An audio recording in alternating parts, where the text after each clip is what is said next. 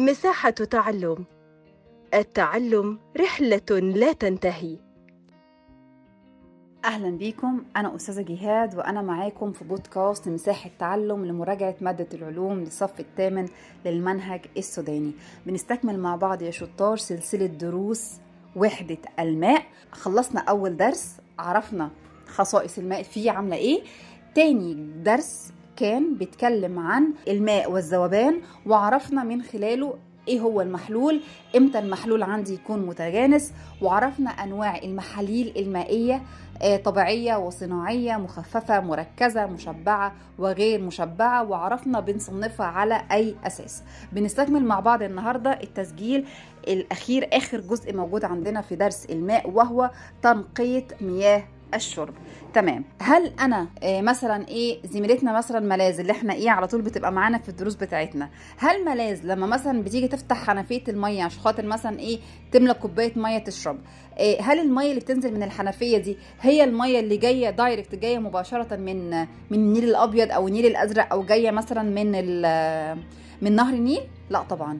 قبل المية ما بتيجي عندنا في بيوت وفي المنازل مثلا للاستخدام الادمي بصفة عامة أو حتى لاستخدام الحيوانات يعني تمام؟ لازم إن هي بتمر على مراحل تنقية تمام؟ ومراحل تنظيف. لازم المية دي تتطهر لازم المية دي تتنقى. ليه؟ لأن هي بتكون بتحوي كمية من الحصى كمية من الرمل. آه عندي بكتيريا عندي جراثيم عندي مواد عالقة بتبقى فيها تمام؟ ما ينفعش إن أنا أستخدمها على طول من إيه؟ من النهر إلى الاستخدام الآدمي تمام؟ في بعض الدول اللي ما بيكونش مثلا عندها أنهار زي مثلا دول الخليج بتقوم بإيه؟ بتقوم بتحلية آه، مياه البحر تمام؟ وتحولها من مية مالحة إلى مية عذبة آه، بحيث إن هي تقدر إن هي إيه؟ تستخدم. بس برضه ما بتتشربش. طبعا بتكون ليها آثار جسيمة أضرار جسيمة جدا على الكلى.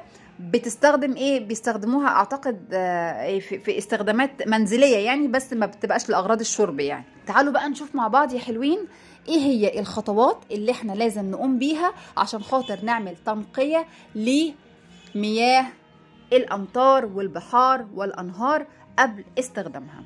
طيب أول خطوة عندي إن أنا المية بتيجي من البحر أو بتيجي من النهر.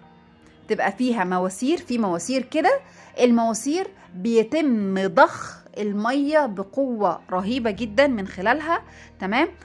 اللي بيساعد على ضخ المية دي حاجة اسمها طلمبات طلمبات باللام طلمبات رافعة تمام؟ حاجة كده زي مواتير بترفع المية. المية بتترفع بتروح فين؟ بتروح على أحواض ترسيب. حوض زي مصفى كده تمام؟ وبيسيبوا المية في أحواض الترسيب دي فترة بيحصل لها إيه؟ بتبتدي إن هي تصفي الرملة والحصى والطوب والطين تمام؟ فين؟ في الأحواض الترسيب دي تمام؟ وطبعا بتتساب المية في أحواض الترسيب حسب كمية المواد العالقة فيه. لو كمية كبيرة هتتساب المية فترة طويلة لو كمية صغيرة هتتساب المية كمية صغيرة. يبقى دي عندي أول خط. طيب إيه هي بقى النتيجة المترتبة على الخطوة الأولى دي؟ إنه بتترسب الرمل والحصى والطين وبتبقى فقط المواد العضوية زي البكتيريا تمام؟ بتبقى إيه؟ بتبقى متعلقة في المية. حلو قوي. يبقى اذكر النتيجة المترتبة على الخطوة الأولى وهي الماء في أحواض الترسيب تمام؟ هي إيه؟ ترسيب الرمل والحصى والطين. وبتبقى مين؟ بتبقى المواد العالقة والبكتيريا فقط فين؟ معلقة في الماء. حلو قوي. طيب تاني خطوة. بيحصل إيه بقى؟ بيضاف للماء مركبات عضوية تمام؟ زي مثلا إيه؟ زي آه مادة اسمها الشب. أكيد طبعا كلنا عارفينها أو مادة كيميائية ممكن نقول. طيب وليها اسم تاني خلي بالكم عشان خاطر بيجي يقول لك في الامتحان إيه؟ اذكر الاسم الكيميائي للشب. اسمها إيه بقى؟ اكتب كده ورايا. كبريتات الألومنيوم البوتاسيومي.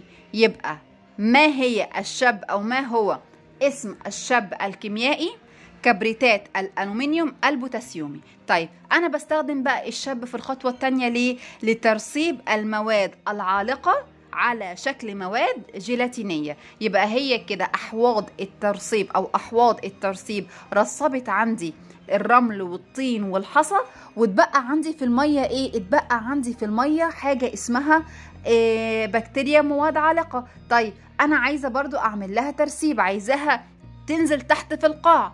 هعمل إيه بقى؟ هضيف لها شب أو كبريتات ألومنيوم. بوتاسيومي هتبتدي إن هي تتفاعل مع المواد العالقة دي وتكون مادة هلامية جيلاتينية زي الجلي كده بالظبط. هتبقى تقيلة الكثافة وهيحصل لها إيه؟ هتنزل تحت فين؟ في قاع الأحواض. حلو قوي. يبقى دي كده عندي تاني خطوة. طيب تالت خطوة بعد كده المية بقى اللي بتتبقى عندي تبتدي إن هي ترشح يعني تتصفى تمام؟ من خلال طبقات رمل وحصى. يعني المية بتتضخ وتروح على طبقات زي فكرة المصفى تمام؟ أدوار كده فوق بعضها معمولة من الرمل والحصى. الرمل والحصى ده بيكون مرتبط ببعضه قوي قوي قوي يعني متماسك كده مع بعضه بحيث إن هو يسمح فقط بمرور المية السائله ولو فيها أي جزيئات عالقة أخرى يبتدي برضو إن هو إيه يبدأ إن هو يحجزها. تمام؟ يبقى كده عندي ثالث خطوة. يبقى تاني هقول إن المية بتيجي عندي من البحار ومن الأنهار تمام؟ وبتضخ من خلال طلمبات رافعة بتروح على إيه؟ بتروح على حاجة اسمها أحواض ترسيب. بتبقى في أحواض الترسيب فترة حسب كمية المواد العالقة. طيب نتيجة الخطوة الأولى دي إيه يا شطار؟ النتيجة المترتبة على الخطوة الأولى هو ترسب الطين والحصى والرمال. وإيه اللي بيبقى عندي في المية؟ بتبقى البكتيريا والمواد العالقة. طيب ببتدي إن أنا أقوم بخطوة تانية وهي إضافة مركب الشب أو كبريتات الألومنيوم البوتاسيومي ليتفاعل مع المواد العالقة تمام؟ ويديني حاجة مواد أخرى على شكل مواد جيلاتينية يمكن لها أن تترسب ولما بتترسب إيه اللي بيحصل عندي؟ إيه بتنزل تحت يعني في قاع الأحواض دي وإيه وكده أبقى خلصت منها تماما. طيب. الخطوة الثالثه إن بقية المية بتضخ على إيه أحواض ترشيح تمام؟ من خلال بتترشح بقى إزاي؟ من خلال طبقات من الرمل والحصى تمام؟ فهتعمل إيه؟ طبقات الرمل والحصى دي هتحجز المواد العالقة في الماء. طيب. رابع خطوة عندي بعمل إيه أو بنعمل إيه؟ ب... بنقوم بتطهير المية. طب هنطهر المية إزاي؟ بإضافة غاز الكلور. بنضيف لها كلور على شكل غاز. مش كلور زي اللي إحنا بنستخدمه في البيت لأ على شكل غاز. تمام. بنسبة قد إيه؟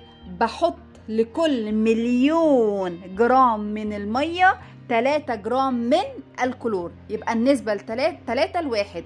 3 جرام من غاز الكلور إلى واحد. مليون جرام من المية. طب يا أستاذة الكمية دي هتكفي إن هي لو في عندي بكتيريا وفي عندي مثلا آه، جراثيم تقتلها؟ كافية جدا إن هي تقتلها. ولاحظوا أوقات بنيجي مثلا نستخدم مية الشرب بنقول إيه؟ المية دي ريحتها كلور زايدة قوي. ريحتها كلور واضحة قوي. إيه ده؟ دي ريحة الكلور واضحة جدا في المية. ده بيكون ناتج لخطأ حدث أثناء عملية التطهير.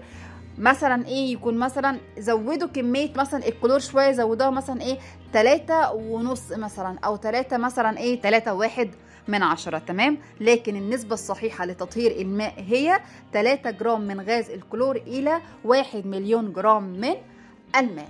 آخر خطوة خالص يا شطار إن بقى المية كده نضفت وبقت جميلة ونظيفة و... و... ويمكن استخدام البشر لها أو الإنسان لها. هعمل إيه؟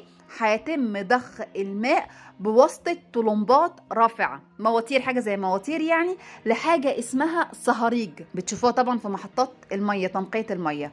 الصهاريج دي بتعمل حاجة من اتنين. يا إما إن هي تخزن المية أو إن هي توزع المية. يا إما هتخزن المية لحين استخدامها تمام؟ أو إن هي تبتدي توزع المية تمام؟ من خلال مواسير توصل لمين؟ توصل للمنازل. يبقى أنا كده قمت بعملية تنقيه الماء وتطهير الماء على خمس خطوات. أول خطوة عملتها إن أنا رصبت الحصى والرمال والطين تمام؟ من خلال أحواض الترسيب. تاني خطوة إن أنا عملت برضو ترسيب للمواد العالقة تمام؟ آه على شكل مواد جيلاتينية باستخدام الشب أو كبريتات البوتاسيوم الألومنيومي. ثالث خطوة إن أنا عملت ترشيح للمية من خلال طبقة من الحصى والرمال. حجزت ما تبقى من المواد العالقة. رابع خطوة إن أنا قمت بتطهير الماء بإضافة غاز الكلور والنسبة مهمة جدا 3 جرام من غاز الكلور إلى واحد مليون جرام من المية. رابع خطوة إن المية كده خلاص بقت نظيفة وتمت تنقيتها تماما فهنبتدي إن إحنا نضخها بواسطة طلمبات رافعة إلى صهاريج. الصهاريج هتعمل حاجتين يا إما هتخزن المية يا إما هتوزع المية والمية هتوصل إلى المنازل من خلال أنابيب. أتمينا بفضل الله وبحمده وحدة الماء من على شكل ثلاث دروس يعني ثلاث تسجيلات. آه يا رب تكونوا استفدتوا. آه مهمة جدا الحاجات اللي أنا كنت بقف عليها والملاحظات آه اللي أنا إيه كنت دايما أقولها لكم خلي بالكم من الملاحظات دي لأن دي بتبقى تريكات في الامتحان يا ولاد خلي بالكم منها قوي. تمام؟ هنستكمل مع بعض مراجعة دروسنا. آه الدروس الجاية إن شاء الله وهي القواعد والأحماض. تمام؟ شكرا ليكم جدا.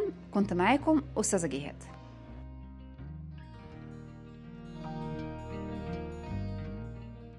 مساحة تعلم. التعلم رحلة لا تنتهي.